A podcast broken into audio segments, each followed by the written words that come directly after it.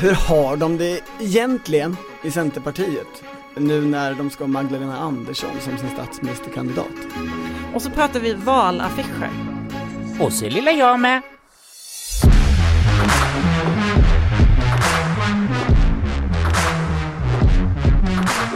Ja, det här är Politiken med Maggie Strömberg och Torbjörn Nilsson.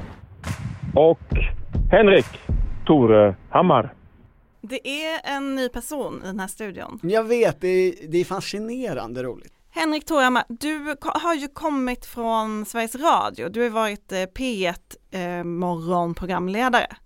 Och det politiska spelet, eh, programledare, men nu ska jag börja skriva, har börjat skriva för Svenska Dagbladet politisk kommentator. Ett slags, eh, vad var det nu du skrev i tidningen, ett urt, litet gulligt urtidsdjur? Det är Nej. inte jag som är urtidsdjuret, du missförstod. Jaha. Det är jag det... som klappar på urtidsdjuret och lugnar det genom de här oroliga tiderna när isar smälter. Okej, okay, okej, okay. det är Henrik Torehammar. Japp. Och, och han har skrivit, Hej Henrik! Han, jag har ju skrivit en text i tidningen om eh, Annie Lööf och Centerpartiet. Ja. Och där, där dyker det här urtidsdjuret upp. Var det urtidsdjur du kallar det? Ett Nej. dumt litet urtidsdjur. Ja. Ett tag så, jag blev väldigt osäker när jag skulle jobba med en metafor som jag inte behärskar rent. Vad hände när det var is? Eh, På istiden alltså? Precis, ja. så här, fanns det neandertalare? Fanns det djur? Vem såg det här? Var det någon som tittade på när de stora isblocken smälte, det var jag väldigt osäker på, så därför tänkte jag att jag får gå tillbaks till källan, nämligen Ice Age, den animerade filmen, och tänkte, vem är den mest liksom trevliga karaktären där? Jag tror den heter Skatt, den här lilla rått liknande ekorren. Men det är ju så här, Annie Lööf har alltså gått ut och sagt att Magdalena Andersson är en jättebra statsministerkandidat. Hon kan fortfarande tänka sig Ulf Kristersson om han skippar Jimmy, men, eh, men Magda är ju en mycket starkare och större ledare.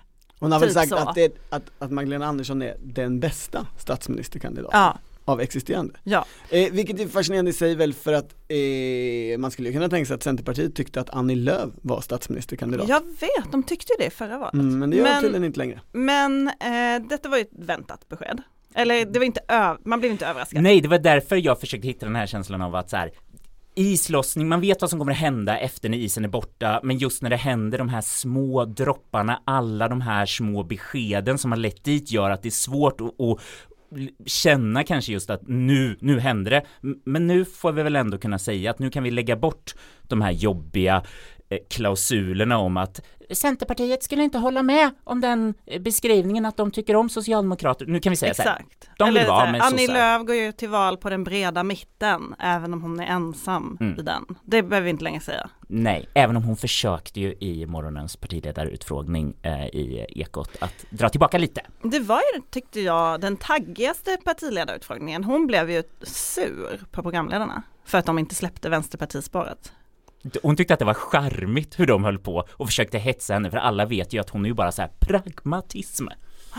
För hon säger ju fortfarande då att Vänsterpartiet får inte sitta i regering, eh, hon vill inte Alltså hon vill inte ha ett ordnat budgetsamarbete med Vänsterpartiet men hon verkar kunna tänka sig att förhandla med Vänsterpartiet nu. Det svarar hon ju inte nej på. Du tittar på mig som att jag har något svar. Jag tycker det fascinerande är att så att säga den här partiledarutfrågningen, den pågår i, regeringsfrågan tar 20 minuter av 40 minuter. Och Centerpartiets problem i den här valrörelsen, förutom att man har svaga siffror, har ju varit att man, ingen är intresserad av deras politik. Och när de till slut liksom bryter igenom den här veckan, då är det för att Annie säger något i regeringsfrågan. Inte för att hon säger någonting om vad Centerpartiet vill med Sverige. Eh, förutom att lösningarna ska vara i mitten. Mm, Allt ska lut, balanseras, luta lutas, vara någonstans mm. mitten. Och men, så man, man kan ju fråga sig varför de överhuvudtaget, eh, även om ni nu tycker det här är självklart, så kan man ju fråga sig varför hon överhuvudtaget gör det här utspelet. Nej men eh, jag tyckte faktiskt inte att det var självklart, jag tyckte inte att det var överraskande, skulle Nej, jag säga. Um, men vi, jag och vår jätteunga kollega Erik Nilsson har haft det här som en diskussion sedan Almedalen. Kommer hon eh, komma ut eller inte? Ja. Och han... Jag älskar att vi har den metaforen, garderoben. ja. Bara, jag gillar tjejer, i alla fall en tjej, nämligen Magdalena Andersson. Och Erik den unga, det är liksom hans första val han bevakar och jag är ju supererfaren. Han är storögd, naiv, tittar på dig. Exakt, han har ju sagt så här, självklart kommer hon göra det och jag har sagt nej. Och, och eh, han hade ju då rätt. Har du sagt fel. nej bara på trots? Som man Nej, gärna jag, gör? jag trodde verkligen inte att hon skulle göra det. Nej. Alltså jag, jag förstår att hon gör det av opinionsskäl, att hon liksom har problem med sin Liksom, det är ju ingen på fyra år som har accepterat hennes bild av den breda mitten. Hon har liksom behöver hålla på med det där i varje intervju. Och nu vill hon kunna prata om annat. Men jag trodde faktiskt inte hon skulle göra det. Eftersom partiet så tydligt hade slagit fast på sitt förtroenderåd att de skulle gå till val utan statsministerkandidat. När man, när man pratar med centerpartister så är ju de ganska öppna och raka, alltså människor runt, eh, runt partiledaren. Med att man gör det här för att det är det mest det bästa sättet att maximera partiets storlek. Alltså det enklaste och eh, den lägst hängande frukten är att locka tillbaka de väljare som sen förra året, när ju Centerpartiet låg på 10% i en del mätningar, eh, har lämnat partiet för Socialdemokraterna. Men i och med det så, så eh, upphör man ju nu också egentligen att ha den funktion som Socialdemokraterna har velat att Centerpartiet ska ha. Nämligen vara ett parti som kan dra över blockgränsen, alltså som kan dränera högerkoalitionen på väljare, som, som kan säga vi är borgerliga, ni kan rösta fortfarande på oss, om ni, men om ni inte vill ha Jimmy så det finns ju ändå moderater och kristdemokrater, eller i alla fall, ja, kanske inte kristdemokrater, men liberalpartistiska väljare som fortfarande är obekväma med hela det här upplägget på högersidan. Då skulle ju de Ja. kunna komma till Centerpartiet, men om nu Centerpartiet bara går och säger sossarna är fantastiska, det säger de ju inte, men Fast- det är så det låter. Fast då tycker jag att du missar att hon säger ju inte det. Hon säger ju Magdalena Andersson är en jättebra partiledare och, och en jättebra statsminister. Och det ser ju Annie Lööf i sina mätningar att det tycker ju borgerliga väljare också. Ja, Så Och- att det, jag, jag är- Och det är ju det fascinerande. Att när Jag man då tror- säger den här invändningen till Centerpartisterna, då svarar de i vår, vi, vi ser ju i, i, i det vi gör att det finns folk som uppger att de tänker rösta på Moderaterna, men som tycker det är jobbigt med SD och som tycker att Ulf Kristersson inte ska bli statsminister. Alltså så pass svag är, är hans eh, ledarskap. Statsminister-aura. Ja, eller statsminister, ja det var bra ord.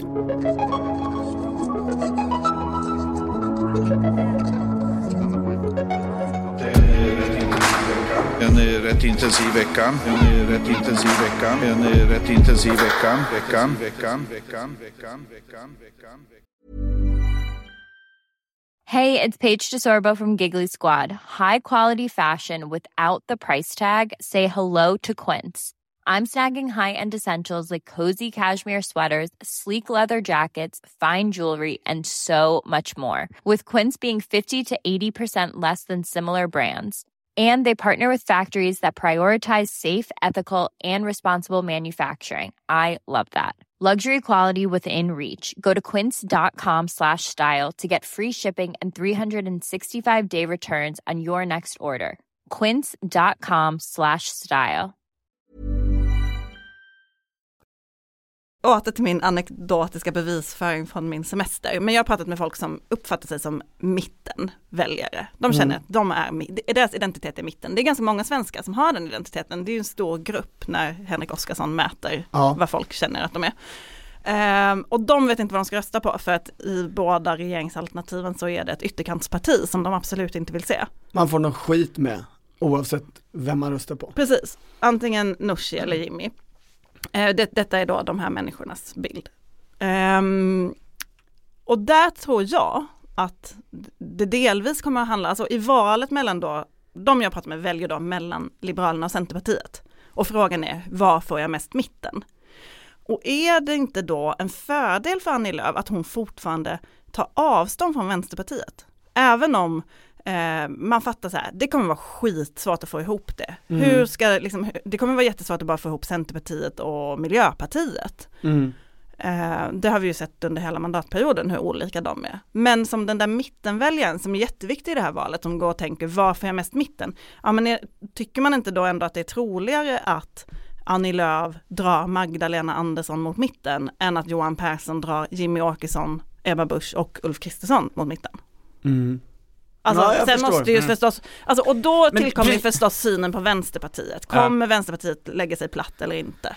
Och då är ju frågan vad de här mittenkänslorna som också ska gå och rösta, vad de känner är viktigast med det här, vilken sorts mitten är det man ser? Är det liksom så här, åh men eh, på högra sidan ser vi i alla fall i lag och ordning, okej de kanske kommer vara liksom lite väl eh, kulturkrigiga på, på invandrings och kultursidan mer än vad jag gillar men, men vet du vad, det blev rätt okej med ekonomin och sänkt skatt, är det det man gillar mest då eller för, för liksom, vad kommer det vara på den andra sidan som, som, som Annie på något sätt ska få med Magda över, förlåt vi ska säga för och efternamn så det blir lite ordentligt, det var det i partiledardebatten när Magdalena Andersson en gång glömde att säga Ebba Busch och de bara Ebba och man känner såhär, nu är du så vansinnig, nu är du så Fast arg. Ebba sa ju Magda. Alltså pratar vi nu om Expressens partiledardebatt som var igår kväll. Den var igår kväll och det var en fest för att jag kunde lägga barnen och läsa eh, godnattsagan samtidigt lyssna på den utan att det blev kognitiv dissonans, i alla fall i kriminalitetsdebatten, den första delen, för att det var så här,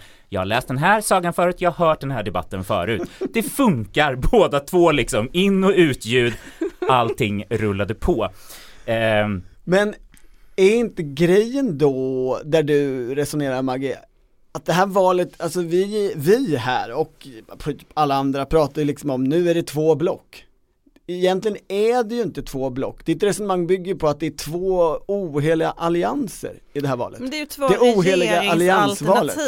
Det är ju två, det är två regeringsalternativ. Ja men och att, och att mittenväljarens eh, liksom funderande fram till valbåset handlar en hel del om hur kommer den här oheliga alliansens interndynamik vara relativt den här andra oheliga alliansen? Precis, var, kom, vem kommer, var kommer tyngdpunkt, tyngdpunkten ligga? Vem har störst chans att luta åt mitten? men Från- tror du att man kommer Är det viktigare än från vilket håll man lutar åt mitten? Tänk om det också är att så här, nu försöker, oheliga alliansvalet, nej nej nej, plånboksvalet eller personvalet eller Persson Personvalet. Ja, någon, ett p-val tror jag på, eh, vill jag säga. P-valet? Det kanske bara kan heta P-valet. P-valet.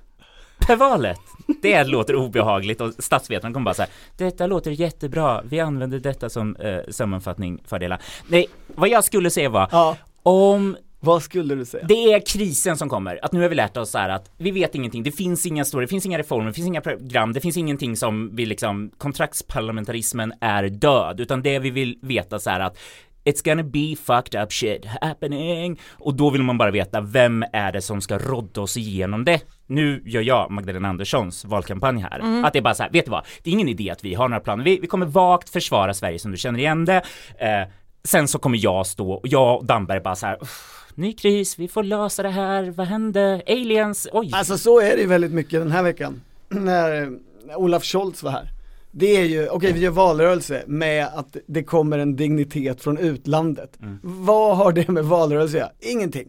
Men det blir bra bilder och det är Magda och vi bara är. Eh, Hon Men kom alltså, ihåg det en gång i debatten inte igår. det här som är inte är. liksom, alltså förlåt men är inte Scholz lite liksom skadeskjuten? Är det verkligen, jag fattar inte, är det verkligen Jag en person man vill visa upp sig med just Du nu? menar den här energiproblematiken Ja som man men har i Tyskland? inrikespolitiskt är han ju jättesvag. Och att Vem, vem, Det ju- du menar, och de svenska mittenpolitikerna som ju verkligen läser Der Spiegel hela tiden och förstår ju, han är bara 19% nu, han har alltså gått ner från 25%, så svag. Eh, får jag säga vad Perkudo sa, att de tyska Vår reportrarna, kollega som ja, var, där igår. ja, Ja. vad de sa såhär, vi har aldrig sett, uh, han är så glad nu, han får köra en bil, han får köra en lastbil. Och man bara, nej det här är lite som man tänker typ att de är med Biden, att så här.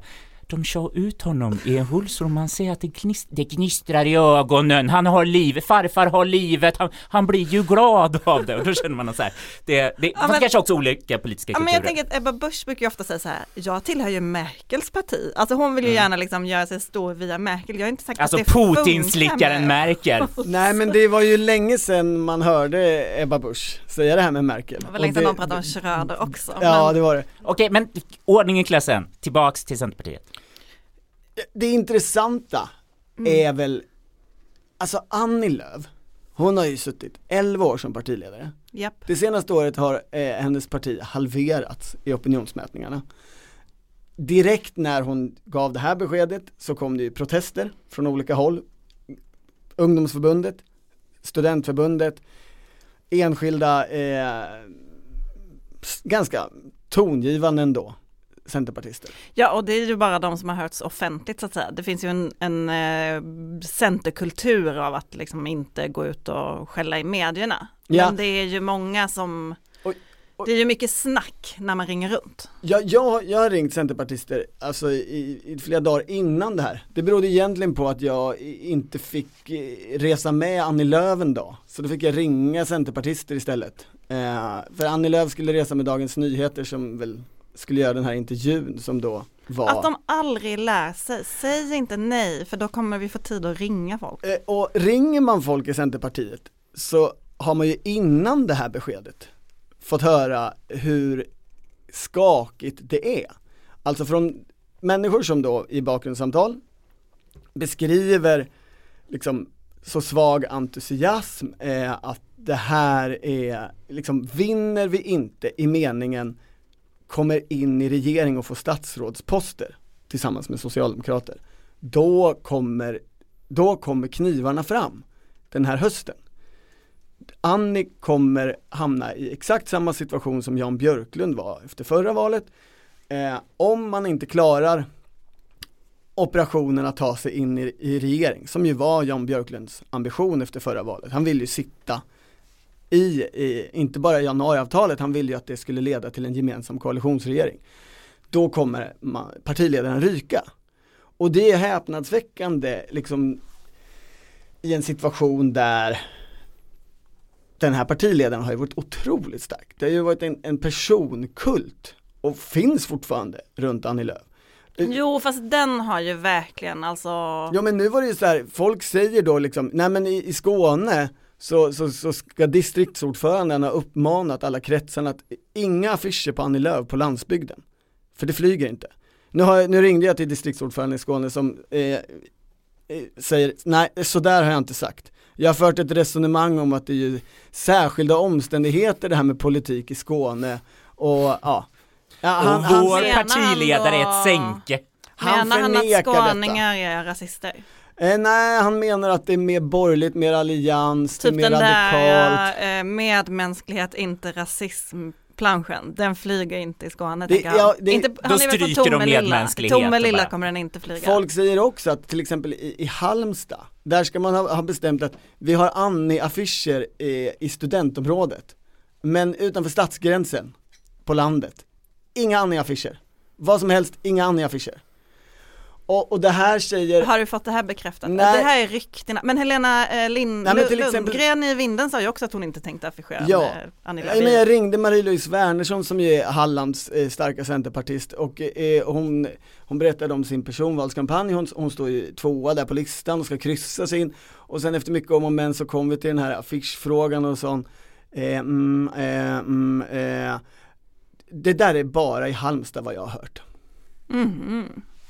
Så, så det, jag vet inte om vi ska betrakta det som en, som en bekräftelse, men det är ju inte en grundgod stämning. Och det var så att säga innan det här beskedet.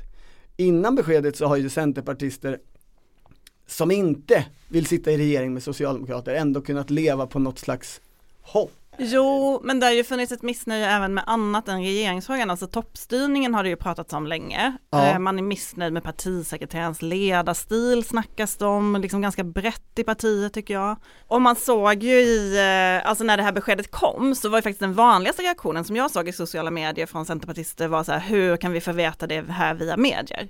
Alltså varför har vi inte fått information? Varför måste jag läsa det här eh, i Dagens Nyheter eller på Annie Lööfs Facebook? Och sen dagen efter som Aftonbladet rapporterade igår så hade de ju då skickat ut ett förklarande mail till alla medlemmar. Det är sånt Liberalerna brukar ägna sig åt annars. Men Och, ja, och de, har, de är ju inte riktigt eh, ett folkrörelseparti, Liberalerna, alltså Nej. det, det är ju en skillnad Nej där. men det är, det är ju en o, det, det är ganska ovanligt för att vara Centerpartiet skulle jag säga och agera så här. Men du Henrik, det här ehm, gulliga Ice Age-djuret, Mm. Vem, alltså om det inte var du då, alltså är det, är det liksom Helena Lindahl eller Helena, eller är det de ledsna centerpartisterna? Jag tänkte väl egentligen att det var väljaren men jag insåg att det är ju lite jag också den som kommer in nu som politisk kommentator ny i slutet på en valrörelse och ska försöka förstå allting. Är det stora saker som händer? Är det konstiga saker som händer? Hur Ja, och sen kom jag på att jag, jag är min egen pappa, jag är min egen liksom Om du jag, klappar på dig själv Precis, jag, jag försöker liksom ta både mig väljarna, läsarna, lyssnarna med på den här resan och då får jag fråga, för ni har ju också väldigt bra koll på politik. Varför kan inte Annie få vara Madonna? Varför kan Annie Lööfs bara liksom det här, åh, jag har en asymmetrisk frisyr och jag käbblar mycket med socialistgubbar och sen förvandlar mig och om och om och nu är jag i mitten och jag gör saker, jag liksom så här, den där socialdemokratiska pungen, jag sparkar hårt med min pumps på den eh, och nu får jag ut massa sexig strandskydd, eller bort, stranden ska bli sexig igen. Så här, och sen till slut, nu står de så här, titta det här fönade, this blowout hair, jag är så himla seriös, du är en kvinnojour och du ska få 9000 miljarder kronor, jämställdhet är det viktigaste i hela världen, parhästen till första kvinnliga statsministern som råkar vara en socialdemokrat. Varför kan inte det bara säga så här, härliga, du hittar på nya stilar i nya tider, varför ska det alltid i politiken bli så här, hycklare, vad du byter? Ja men är Madonna en folkrörelseperson? Kan inte det vara en, eh, alltså Sätt på en Madonna-låt på ett centergrej. Jag tror ja. att det, det, kommer dansas till det, men okay. absolut, hon men... är ju inte den som framväxt. Är inte hon en person, jag minns att jag läste när hon gjorde filmen Evita, att då, jag vet jag läste en intervju med någon svensk statist som hade fått skriva på ett kontrakt där det stod att man inte får titta Madonna i ögonen på inspelningsplatsen. Det har jag hört om Annie Lööf också. Exakt, är det inte lite det som är problemet, att man inte är, hon är inte större än sitt parti, Nej. men hon har verkligen gjort sig till det. Um, det pratades ju också om, jag vet, liksom också... redan, alltså när, när alla slutade i riksdagsgruppen, att uh, det är ett problem att Annie Lööf tar allt syre, precis som Madonna. Ja, ja men partiet har ju också tillåtit det. Partiet har ju velat att hon ska vara större än partiet. Alltså i förra valrörelsen till exempel så, så hade man ju något som man kallar partiledardriven kampanj. Eh, alltså allt ljus på Annie, eller Madonna. Eh, och Madonna ska få ändra sig eh, från och byta stil och innehåll och sådär. Och i valanalysen så kom man fram, jag minns inte formuleringen exakt, men då kom man ju fram till att vi har inte tagit det här med partiledardriven kampanj till sin fulla potential, skrev man. De orden minns jag. Alltså, vi kan ha ännu mer Annie Lööf och ännu mindre Centerpartiet. Nej, men det kan man ju inte. Hur, ja det är att plocka bort Centerpartiet från och, och det här har ju hela tiden eh, bekräftats och uppskattats, alltså fått vidi från partiet på stämma ja. efter stämma efter stämma. Eh, och alla har alltid slutit upp, alltså man måste ju säga att det är imponerande i någon slags ledarskap också. Ta, ta hela liksom förra mandatperioden, eller den här mandatperioden, den gångna alltså.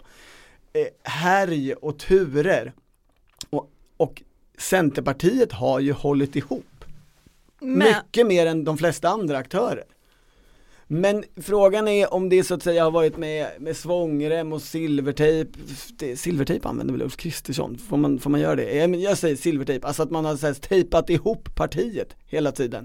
Jag tänker att det som också händer med Annie Lööf nu är, förra valet var hon eh, de rörliga mittenväljarnas drottning. Hon mm. var eh, liksom den coola. Mm. Och nu är hon inte det längre. Och det fallet, alla som har varit med om det vet ju att det är väldigt hårt. Eh, man kommer från att ha varit liksom eh, stor på Södermalm till att liksom vara supertöntig. Och det är ju det som har hänt med mm. Annie Lööf skulle jag säga. Och det, det här är också anekdotiskt då, men det, detta har jag hört från liksom un, mina unga kollegor med unga trendiga vänner, att det är liksom inte längre coolt med Annie Lööf. Det var det i förra valet. Vad är coolt? Detta valår? Ja, det verkar, det, det verkar inte finnas något. För man skulle kunna tänka sig antingen så här eh, Nooshi, den här mm. eh, ändå vågat att ha det här framåtblickande Nooshi 2022 i det röda som man bara, det kan ju finnas stilistiska likheter med andra ledare på en vänstersida som man kanske inte bara, bara vill ha, man vill inte ha dem stå, stående bredvid varandra men man tror bara hon är säljande. Å andra sidan, har ni sett de här töntarna som får liksom så här jätte eh, genomslag på valaffischerna? Så, vad heter han, Jönsson, liberalen Jan i Stockholm? Jönsson. Mm. Gängens värsta fiende och alla bara han ser, han ser inte manlig ut, Men det är inte roligt. heller det coola, alltså eh, statsvetarna säger ju att den här positionen finns kvar att ta. Det är ingen som har När har tagit den i årets statsvetarna haft det rätt? För, Och- förlåt men stats, och- var inte statsministern som sa, statsvetarna sa så här, man ska inte skaffa ett mittenblock och utpressa de båda sidorna? Man bara, mm. alla de här idéerna försöker, det är ju som att så här, är parti, partister så dumma så de går till statsvetare och bara så här, vad ska vi göra? Och de bara, decemberöverenskommelse, gör det! Och sen bara, okej, gick inte bra. Men om ni bildar ett januariavtal, och de bara, "O- okej, va?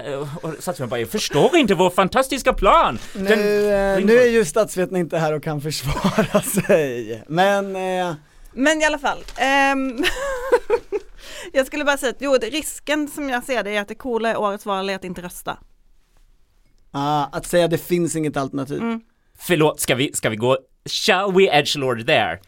Vad är det stora problemet? Har vi inte haft vansinnigt höga röstetal just nu? Jo, men min eh, då väldigt unga kollega Erik Nilsson säger att hans coola kompisar säger det. Jag vet inte. Men förlåt, Jag är inte det, det det mest sjuka att politik ska vara coolt? Att politik ska vara någonting som unga människor gör för social status? Det ska ju vara musik, supa, ligga, De håller inte på med sånt i den här blogga. generationen. Nej men vad som helst. Logga! De bara, jag har en modeblogg om sexiga märken. Jag bara, absolut, gå och gör det istället för att prata med kläder, smink, musik, sånt som är rimligt att göra. Du ska ju inte använda aktivism för att höja ditt liksom varumärke och din position på Nej, men en det är därför skolgård. de inte röstar. Nej men jättebra, jättebra. Eh, men Förlåt, jag tycker nu- inte detta, men jag älskar att ta den positionen. Det känns som Twitter en kort stund. Tror inte ni att Annie får det väldigt svårt efter valet? Vadå, om, om hon får, får ihop det, då, då sitter hon väl där som Ja, ja, junior? ja, ja, ja, det är i det scenariot, alltså i, s- får hon sitta i regering med Magdalena Andersson, då, då går det säkert bra. Sen undrar man ju vad som händer med Centerpartiet på sikt då, för att jag menar, att gå in som, eh, ett, nu är jag snäll mot dem, 6,5% parti, det, det är ju snällt, om, alltså får de det så är det ju bra. Eh, och eh, i en koalitionsregering med Socialdemokrater, det brukar ju inte leda till att, att man växer. Nej, men nu, och nu vill jag invända mot så många saker som sagts här senaste minuten. Eh, ett, sen, eh, Socialdemokraterna har ju en långsiktig plan med Centerpartiet, tror jag, som gör att de ändå vill hålla dem på gott humör hela den här mandatperioden. De kommer inte liksom MP basha Centerpartiet, tror jag. Jag kan, ett litet stöd för det gårdagens partiledardebatt, då använder Magdalena sitt svar till att säga Förlåt, jag måste bara säga, jag har suttit och förhandlat så många budgetar med Annie Lööf, hon är landsbygdens bästa vän. Vittnesmål, vittnesmål. Ja den var, den var ju stilig Och faktiskt. sen så undrar jag, över- alltså jag håller verkligen med om att det kommer vara svårt för Annie Lööf efter valet och det finns ju starka krafter i- i partiet som vill gå en annan väg än den hon nu går. Men den här idén om att ifall hon kommer i regering så kommer hon få sitta kvar. Stämmer den verkligen? Alltså tänk på vad hon själv gjorde mot Maud Olofsson. Tänk Lars Leijonborg. Jag vet, det här är det roliga, när man ringer centerpartister så pratar de om det och sen kommer de efter ett tag på att, just det, vi avsatte ju Maud Olofsson eh, efter att hon hade vunnit ett val, i meningen fått bilda regering och satt som minister. Eh, Och, säger liksom de- kämpat ganska hårt för att få ihop det där samarbetet Ja. som allt byggde på. Men problemet är ju att det, det problemet, eller det skickliga var Annie Lööf, det är ju att hon har ju inte odlat efterträdarkandidater. Så en intern opposition har ju väldigt svårt, så att säga, vad, vad har man? Martin Ådahl, ja, mm, eh, Linda Modig. ja, mm, eh, ja, och så är det så här locka tillbaks Emil Källström som då skulle liksom vara interna oppositionen, eller Jag ju Anna-Karin Hatt. Jag skulle precis säga, jag tror ju på Anna-Karin Hatt. Har suttit på Almega, nu på ehm, eh, LRF, Mm. eh, har ju eh, anställt Annie Lööfs tidigare talskrivare som nära medarbetare och rådgivare. Mm. Du tror att hon kommer tillbaks som en hämndaktion? Jag från- tror ju inte att hon saknar politiska ambitioner, Nej, men detta nej. är bara en gissning. Ja men det, det är ju inte som att de står på rad i alla fall och är superredo vad det ser ut just nu. Fredrik Federley. Ja, ja det, skulle, Han det, trendar det ju är på också Twitter ett namn varje dag. som, som bör nämnas, men, men det, jag tror det finns en uppförsbacke, om, om vi uttrycker det milt. Eh, det är väl egentligen den bästa garanten, men det innebär ju inte eh, att, att det inte blir liksom en annan intern dynamik och situation. Ja, eh, även om de förlorar kanske de får sitta kvar ett tag för att eh, folk är så här rädda. Går det för fort, om vi drar igång den här eh, avsättningskampanjen direkt, då blir det ju Martin Ådahl. Och eh, det kanske folk då, nej men vi, vi tar det lite lugnt, för vi kanske inte vill landa på att det ska bli Martin Ådahl. Utan här måste vi liksom få in Anna-Karin Hatt eller Emil Källström tillbaks till politiken på något sätt. Eh, utan riksdagsplats och, och sådär. Men jag tänker det blir en helt annan dynamik. Jag tänker att det här är ödesvalet för den eh, strategi och för hela projektet Annie Lööf Centerparti.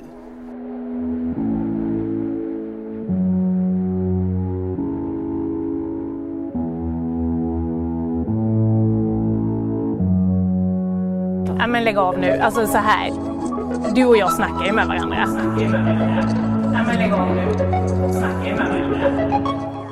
Vi har ju redan pratat lite om valaffischer, men det finns ju mer att säga. De sattes upp den här veckan, eller hur? Eller helgen, när var det? Det var i alla fall ett tåg i Stockholm som fick en ny skrud och det blev stort på Twitter. Ja, det var ju Sverigedemokratståget. Eh, segertåget har jag sett vissa kalla det, återvandringståget har jag sett andra kalla det. Det är inte eh, återtåget, Mm. alltså Gyllene Tiders eh, Eh, nej, eh, turné. De menar Mitt att i- människor ska utvisas Ja. från Sverige. Alltså det är Men- helt chockerande faktiskt att, att, det, att det liksom den där billiga grejen eh, funkar för Sverigedemokraterna Nej fortfarande. men jag vet och jag känner mig så besviken på mig själv eh, och min bristande analysförmåga för att jag har gått runt och pratat eh, hela, ja, men hela den här valrörelsen om att det är så svårt för Sverigedemokraterna eftersom de inte längre lyckas skapa uppmärksamhet och det är ju vad allting har byggt på i deras kampanjstrategi tidigare. Vi är så himla problematiska och jobbiga, alla tycker vi är liksom så här, men våga smaka det här pillret, ta det Ja, gulblå. men, och jag har tänkt så här, kom, ingen kommer bli arg, liksom. de kommer inte kunna göra en tunnelbanekampanj igen, för folk bryr sig inte, det är ingen på torgmöten och så vidare. Men det hade jag ju fel i. Wallerstein, kommunikationschefen, redan när de hade sånt här stort event i, i Årsta, i, ja vad det, i våras, de hade en neonfest framförallt, men då var han ju, sa han t- så här att det, det, det, vi kommer kunna skapa uppmärksamhet igen. Och Mm. så tänker man, ja då har de väl något nytt. Men det här är ju inte så nytt, det är ju bara en, eh, det är en kopia på egna gamla kampanjer och eh, men Jo, fascinerande funkar. Men det är ändå så här ett steg till, du måste kliva in i den här vagnen, facket har protesterat mot att eh, förarna måste köra och så det, vidare. det är klart Men- att folk har protesterat, det är det som är själva Men- poängen. Eh, av valaffischerna, Ja de traditionella. de som Ja. sitter uppe med buntband på stan. Är, är det någon som är bra valaffischer? Jag Ja, tänkte, eh, eh, jag ska bara säga innan du får svara på min fråga, för man vill ju helst svara på sin egen fråga. Alltså om, det var kul om att det- du ställde en fråga i alla fall. om det skulle vara internt missnöje i Vänsterpartiet, på samma sätt som det är lite Centerpartiet, och man inte vill affischera med partiledaren, då skulle ju Vänsterpartiet överhuvudtaget inte kunna affischera, för de har väl bara affischer på Nooshi. Jag har inte sett något annat och det står ju bara, det står ju typ knappt Vänsterpartiet, det står ju bara Nooshi jättestort. Det är ju väldigt, alltså Vänsterpartiet brukar ju vara väldigt känsliga för sånt, man får ju inte ha personvalskampanj till exempel och Men kan detta personliga varumärke vara någonting som hjälper Vänsterpartiet? De kanske tror att de ska bli det coola, den här ja valrörelsen. men kanske, jag vet inte. Jag tänker att om någon skulle ha problem med eh, Nooshi-bilderna så använder Nooshi den här blicken och det här låga tonfallet hon tar när det blir väldigt du är, ja, den, den och då- då allting smälter undan när eh, Nooshi använder den. Internt tänker du? I, ja, och Ja men kanske. En annan på tal om personvalskampanj som man säger i Stockholm är ju Daniel Heldén, miljöpartisten. Eh, han är ju trafikborgarråd i Stockholm och ska nu kandidera till riksdagen på Stockholmslistan. Mm, mm. Eller kandidera till riksdagen. Eh, han har satt upp affischer som ser ut som någon slags fotografiska museet annons där det är liksom en st- stor snygg bild på honom, alltså proffsig, liksom svartvit och hans namn i svartvit, eh, eh, vad säger man, layout liksom. Det är några pilar också. Ja, Eller? oklart. De pekar om att höger kanske. Eh, och så se, det finns inget grönt, man ser inte riktigt att det är Miljöpartiet. Han går liksom till val på sig själv. Ja, jag har hört folk, folk har eh, liksom smsat mig med den, bara den där bilden, jag fattar ingenting. Jag fattar inte varför den skulle vara bra. Eh, Men det Har de smsat det? Eller ja, får, alltså typ det här är bra. Ja, Eh, liksom. ja. Eller Det är så himla eller snyggt. utropstecken. men de tycker väl att det är kaxigt? De folk gillar ju det. Jag tyckte det Alltså- var något som jag inte såg. Alltså som jag så att säga, som, som jag brukar säga på den tiden, jag arbetade på ett eh, magasin som var eh, liksom beroende av, av sådana här pråliga klockannonser och sånt. Jag, jag, jag vet inte vad vi har, jag, jag, har aldrig läst en annons i en tidning i hela mitt liv. Jag förstår inte varför folk betalar, företag betalar för annonser till med inte tidningar. Men. Men, nej, jag ser inte eh, Helldéns eh, affischer helt enkelt. Nej, men det, en, det som jag tyckte var kul när jag såg dem var att jag träffade Helldén förra veckan för jag skulle göra ett reportage om eh, hur Miljöpartiet ska hålla sig kvar i riksdagen. Och så hade jag jävligt bråttom för att få ihop det med livet och barnen och allt och eh, mina AVs som jag skulle på. Så att eh, jag hade lite, ja men jag hörde av mig för jag ville följa med språkrören och kampanja och då hade, kunde inte de hitta en tid då jag också kunde. Jag behövde vara med på dagtid och det var så här, Ja. nej men de kampanjar inte på dagtid. Ja, och så var det liksom struligt, jag fick inga besked och eller det blev väl rörigt att få ihop det där och eh, så ringde jag Helldén och han bara, ja, visst, eh, det är bara att komma liksom, vi, vi ska på den här kampanjen, häng med. Han skulle high-fivea cyklister på Götgatan, tacka dem för att de cyklar. Eh, bildmässigt tyckte då printdesken som var väldigt glad över det här och så messade jag till pressisen ehm, Hade våran bilddesk föreslagit det eller var det MP? Nej nej det var en kampanj men de blev, tyckte det var kul. För Ehm, slå på snabbt rörande Ja. objekt är ju så himla populärt och bra och trafiksäkert så Han, det, han flög liksom också bakåt lite varje gång, det såg väldigt kul ut. Men i alla fall så messade jag då till ehm, eh, språkarens pressis och var så här, men jag får inte ihop det med språkaren, jag hänger med Helldén istället. Och fick då ett liksom ganska surt svar. Eh, att eh, ja, men det är ju ändå liksom språkrören som är partiledare typ. Ska du, liksom, ja, ska du inte också prata med dem? Och sen så blev jag uppringd en kort stund senare av någon som bara Per Bolund har nu fått en lucka och ska ut och kampanja och du kan följa med på det. Så man kände att den här Helldén ehm, Men det kan ju bli spännande igen kampanjen i kanske inte är så populär internt i, bland ledning, i ledningen, jag vet inte. Nej men Helldén är väl i princip centerpartist. Så då kommer det bli, om han kommer in så kommer det bli nytt internbråk i Miljöpartiet fast på ett annat sätt än förr. Förr så var det ju liksom vänsterkanten eller liksom fundisar, fu- vänsterfundisar som var problemet. Nu kommer ju det bli den här galna eh, centerpartisten som vi har i vår riksdagsgrupp. Ja men Per Bolund är ju också och centerpartist. så ska det alltså. förhandlas med Centerpartiet och Socialdemokraterna. Ja, det, det, ja. kan inte Helldén när den utesluts bli Löfs efterträdare? Tanke, vi kastar ut den där, ni låter kolla. Man får inte svära i TV, men eh, det är pyramidalt klumpigt. Pyramidalt klumpigt. Pyramidalt klumpigt.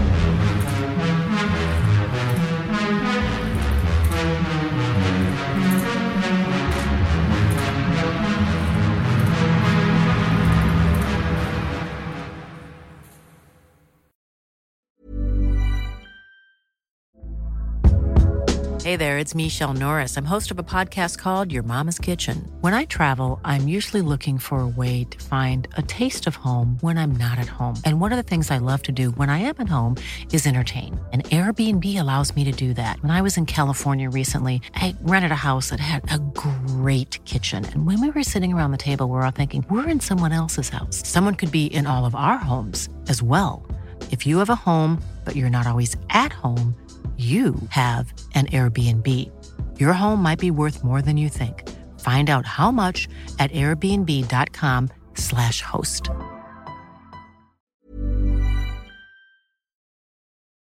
Ja men en sak som jag tänkte på som vi inte har pratat om i den här podden så mycket, det är ju eh, hur jämnt det är i mätningarna. Kul, så himla härligt! Och det är ju ganska tråkigt för det är alltid jämnt i svenska val så här dags i en valrörelse. Men det kan ju faktiskt. Alltså nu pratar alla om så här, hur- vilka problem det blir med de här blocken eller oheliga koalitionerna. Men det kan ju vara så att det liksom blir super super jämnt på valnatten så att man inte får veta ens hur det liksom är. Att det hänger på det sista mandatet eller något sånt. Och i mitt eh, valvaketittande så är, är det ju, så har den här veckan eh, snöat in på 73 års, alltså eh, val, då det blev lotteririksdag. En av de bästa. Och som valvakare så är det faktiskt en av de bästa, för här har de då hållit på i tre timmar och eh, Kungavalet heter det. Det är ju, eh, programledare är Lars Orup och eh, bisittare är o Olof Ruin och eh, men den, Statsvetaren. Ja, men den som är huvudbesittare är docent Ingemar Lindblad, det är han som tar in siffrorna och liksom försöker få ordning i, på allting. Det, det, det går inte att få ordning på någonting den här valvakan. Och precis när de ska avsluta hela sändningen så är det för att konstatera att vi kan inte säga någonting om hur det har gått i det här valet. Och det beror på att folk som ska räkna helt enkelt har bara dragit. Eh, eh, för de har, det, det har blivit för sent. Och, alltså här. Så när det gäller Örebro den har vi fått följande meddelande. Val, den kommunala valnämnden i Hallsberg har stängt, tydligen utan att räkna de andra valen, och gått hem. Och det är en automatisk telefonsvarare på kommunalhuset som vi nu når fram till. Eh, ja, eh, jag får väl trösta vpk i Örebro med att när så småningom valnämnden har vaknat och fortsatt att räkna i Hallsberg och de andra kommunerna i Örebro län så kommer nog vpk-aren in där i alla fall. Så de här utjämningsmandaten är inte helt korrekta. Eh, med risk för att låta grina än en gång måste vi säga att det är valnämnderna i kommunerna som har svikit oss här och lämnat oss i sticket. Ja men det här är, det, det här är för underbart. Alltså här sitter man och ska hålla på med utjämningsmandaten för att försöka reda ut vem kommer styra Sverige. Och då inser de att valnämnden i Hallsberg, de har bara gått hem. Så de, kan, de, de, de sket i oss, de har lämnat oss i sticket. Men alltså det här var när det blev lotteririksdag, för Ja, att det det var så blev- jämnt så de fick lotta. Det blev ju 173, 173. Just det. Då, efter det gjorde man ju om mandaten. Ja precis. Men det är ju ändå den känslan så här, bara alla bara, "Nej, det, vet du vad, jag, jag är så mycket för Hallsbergs valnämnd och bara så här, gänget, fuck it, vi drar! Det är fingrar upp i luften och nu får ni väl lösa det här. Och den här, jag känner att det var lite så här 70-talskänsla bara så här, eh, och det här var innan oljeprischockerna bara att man bara så här, äh, väst, allt skulle gå liksom framåt och det hände något konstigt på 70-talet, det var den känslan, det var bara liksom I'm mad as hell and I'm not gonna take it anymore. Det är det vi ser i det som I det här mycket stillsamma konstaterandet från docenten av att vi lämnade i sticket, vi måste upprepa det. Ja. Eh, jag tänker att så kan det ändå bli den här valnatten och man behöver ha en, en beredskap mentalt för det. Men det var ju så efter förra valet, då gick man ju och väntade på det där sista mandatet och när det till slut landade, just det, det gick hoppade emellan partierna, sen landade det till slut hos Annie Lööf och då Så har vi pingis, pingpong, mandat, Mandatpingis. Något utav dem rann Ja, mandatpingis det, det blev ett p-val, absolut. äntligen. Men har du, har du bestämt vad, vad de här blocken, eller oheliga koalitionerna, allianserna, ska kallas då? Jag tittade på deras partisymboler när de var uppdelade på Expressens partiledardebatt och då såg jag det. Ett litet justering, SD, ni måste gå med lite till viljes här och ni får dumpa den där tråkiga blåsippan till SD, men det kan ni göra, för då har vi det. Blommorna mot bokstäverna. Blomblocket, bokstavsblocket, det är liksom så här oklart vad betyder det här är en bokstavskombination, Ja, det är det hippies? man ju. Man vet ju inte vad det här kan vara för någonting och det gör det så här, eh, ja men så här liksom gamligt vilka ord, det- ordmästare det är. Det, det låter ju som så här, du vet, hattar och mössor. Ja. Blommorna och bokstäverna har nu eh, slutit en överenskommelse. Det verkar som att blommorna kommer ta över makten i Hallsberg. Kommer inte det här bli precis som Galtan? Alltså man tycker att det är helt neutralt men att den ena sidan eh, tycker att det här är ju smutskastning. Alltså generellt. Alltså box, är det Folk bättre att vara en gillar bokstav väl- än en blomma? Nej, folk generellt Gå in gillar väl och rösta på SVDs sajt. Vi lägger ut pollen nu. Gör vi sånt här? Nej, men Folk blomma gillar väl li- blommor Nej men bättre än blomma är väl bokstäver? liksom lite Vadå, en oseriös. bokstav är väl supertydlig och säger så här, vet du vad, jag är redo, jag försöker inte gömma dig med en känsla, eh, med massa kronblad, med en pistill, massa utav de här sakerna som, som lockar till andra Exakt. tankar. Jag är en bokstav, jag, jag är en ståndaktigt L som Jag står tänker, jag tänker ni tänker, eh, det är ju någon slags rationellt uppe i huvudet, hjärnan är Men alltså folk gillar ju blommor vet du vad? Blommor och bokstäver. Jag kastar ut det här. Det kanske kommer slå. I alla fall så är podden slut för den här veckan. Det är så underbart att du var här, Henrik Torehammar. Vi, eh, I politikens flöde så kommer eh, partiledarintervjuer också komma nu. Utav med, dig, eh, Torbjörn Nilsson? Nej. Nej, Utav... nej, nej, nej, jag kan inte intervjua. De är utförda av Erik Nilsson och Ingela Renander. Och den första är Jimmy Åkesson och den hör man snart här.